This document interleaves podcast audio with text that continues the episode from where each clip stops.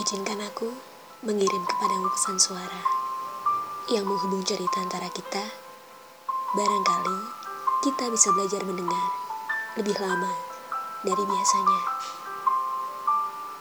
Di bawah tarian hujan.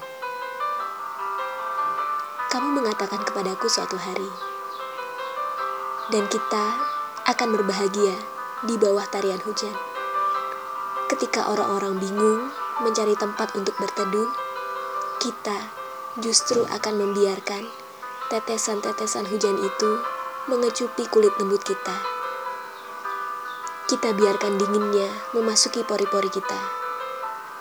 Kita memejam di bawah segarnya, air yang membersihkan dan menyejukkan, bukan hanya badan kita, tapi juga hati kita. Kita tidak risau menjadi sakit karena hujan. Kita yakin hujan adalah anugerah Tuhan yang pasti memberi kebermanfaatan, walaupun tak banyak disadari orang. Barangkali dalam hujan ada guntur dan halilintar yang akan membuat kita ketakutan. Tetapi ia hanya paduan yang membuat hujan itu membekas dalam ingatan. Bahwa hujan selalu memiliki ceritanya masing-masing deras dan gelapnya masing-masing. Kita pun pada akhirnya akan menyimpannya sebagai memori bahwa kita pernah menari di bawah hujan.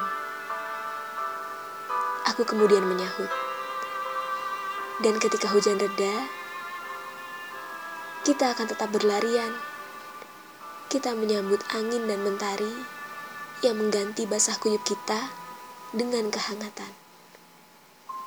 Kita tidak risau dengan bagaimana cuaca mempermainkan kita. Kita menikmatinya. Kita biarkan suhu badan kita menyesuaikan ritme indah di bawah cahaya terang yang mencerahkan.